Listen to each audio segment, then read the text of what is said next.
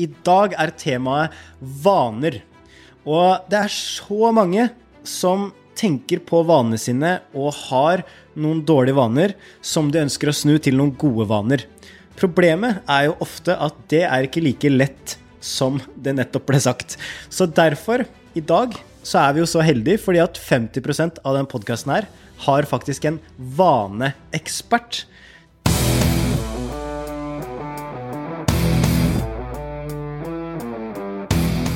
Hjertelig velkommen til 10 minutt med Tim Rudi og Marius.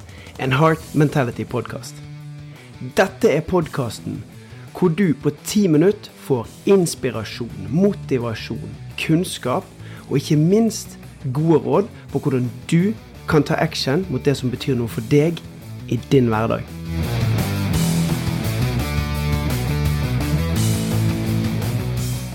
Tim Rudi, det er faktisk deg jeg går til hvis jeg har noen spørsmål jeg har om vaner, hvis jeg har lyst til å lage meg noen nye vaner, hvis jeg har lyst til å få litt input, ny kunnskap. Du er enormt dyktig på vaner, og jeg er så takknemlig for at du har lyst til å åpne hjertet ditt og dele den kunnskapen her med flere. Så jeg har blitt coacha deg flere ganger, fått massiv hjelp.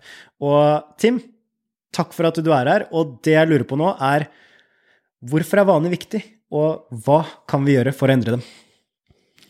Jeg skal kjapt dele en historie med dere. Uh, I 2004 så var jeg i USA på Sniper School. Og som en del av kvalifiseringen for å lov å delta på skolen, så måtte vi gjennom noe som het landnav, altså landnavigasjon. Og da gikk vi med kart og kompass, og så skulle vi finne sånne små ammobokser ute i skogen.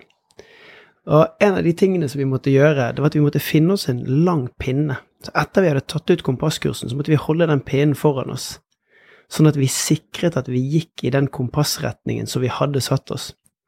For hvis du ikke gikk med denne pinnen, og du bommet gjerne med én grad, så kunne du bomme med én til to meter på denne ammoboksen som var gjemt i naturen. Og her ligger litt av det jeg har lyst til at vi skal snakke om i dag.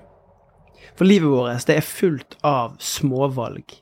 Vi tar 40% av alle valgene vi tar hver dag, de er automatiserte. Og så se for deg at ett av de valgene, det er en prosentvis endring som tar deg mot målet ditt. Så hvis du gjør den ene prosentvise positive endringen hver dag i fem år, sant, hvor henne er du henne da? Og så er det faktisk sånn at i de 40 prosentene så er det òg eh, noen prosenter som er negative. Som har en negativ konsekvens. Altså der, da går vi én grad ut av kurs. Bare for å gi et bilde av det. Når vi går én grad ut av kurs, så bommer vi med 30 meter på målet vårt når vi går 1500 meter. Og hvis du går 10 grader feil, hvis du gjør noe Hvis noen av de automatiserte handlingene dine i dagen er 10 grader feil, så bommer du med 1200 meter når det har gått 6 kilometer. Og det er akkurat det jeg syns er spennende. Ah, Steikas. Altså, når du sier det på den måten der, så, så tenker jeg liksom bare på den kraften av de vanene, da. Altså hvilke vaner jeg har fra dag til dag. Hvor mye det kan drastisk endre på retningen som hverdagen vår tar. Altså, det her er eh, ja, wow. det er noe å tenke på. Men eh, eh, hvorfor er det her eh, viktig å tenke på, og hvordan, eh, hvordan, kan vi starte den prosessen her med å faktisk sette den riktige kursen og ta tak i det kompasset og, og gå i, på rett vei? Altså, i og med at 40% av valgene våre er automatiske, så er det fordi at hjernen vår ønsker å hjelpe oss å spare energi. Og så leter hjernen etter mønster. Så når hjernen tror at han har skjønt noe, så sier han OK, chill, I got this, og så skrur hjernen seg av. Og så bare skjer det ikke noe, så går det bare helt automatisk. Så hvis du bare tenker gjennom sånn hvilken hånd bruker du til å pusse tennene med? Eller hvilken sko knyter du først? Eller hva er det du gjør når du kommer på kontoret og skal starte arbeidsdagen? Alt dette her er ting som du gjør automatisk, og når du da måler dette i en sånn hjerneskanner, så er det som at du sover. Hjernen er bare helt avskrudd, for det går på automatikk, for vi skal spare kapasiteten vår til seinere. Og så er det sånn, om en vane er god eller dårlig, det bestemmer du.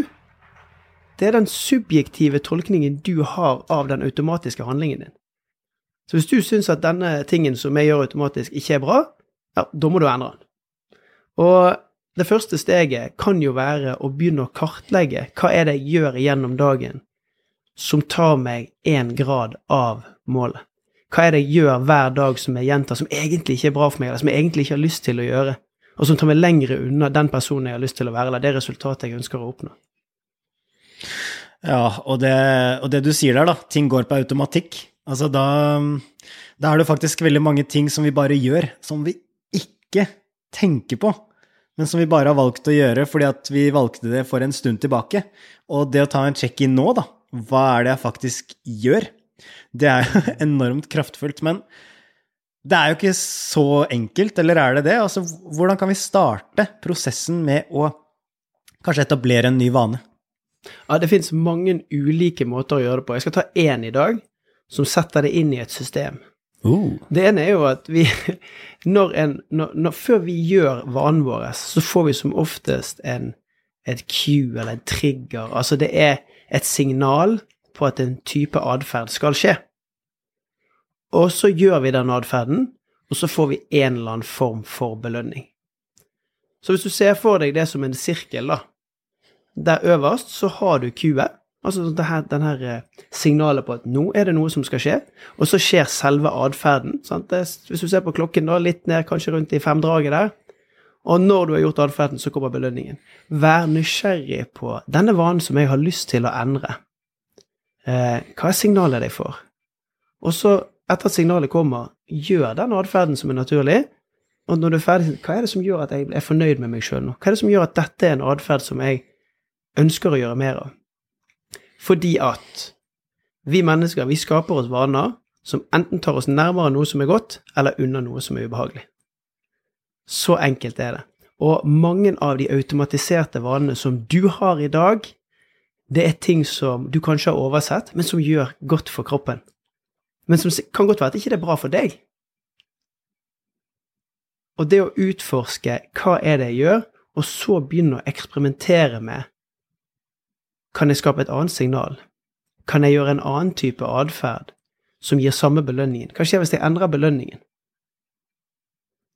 Det er et, et godt sånn første skritt. Ja.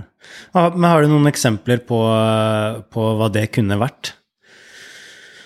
Eh, når jeg går gjennom kjøkkenet og er kjempesulten og har lavt blodsukker, så grabber jeg fire håndfuller med sørlandschips.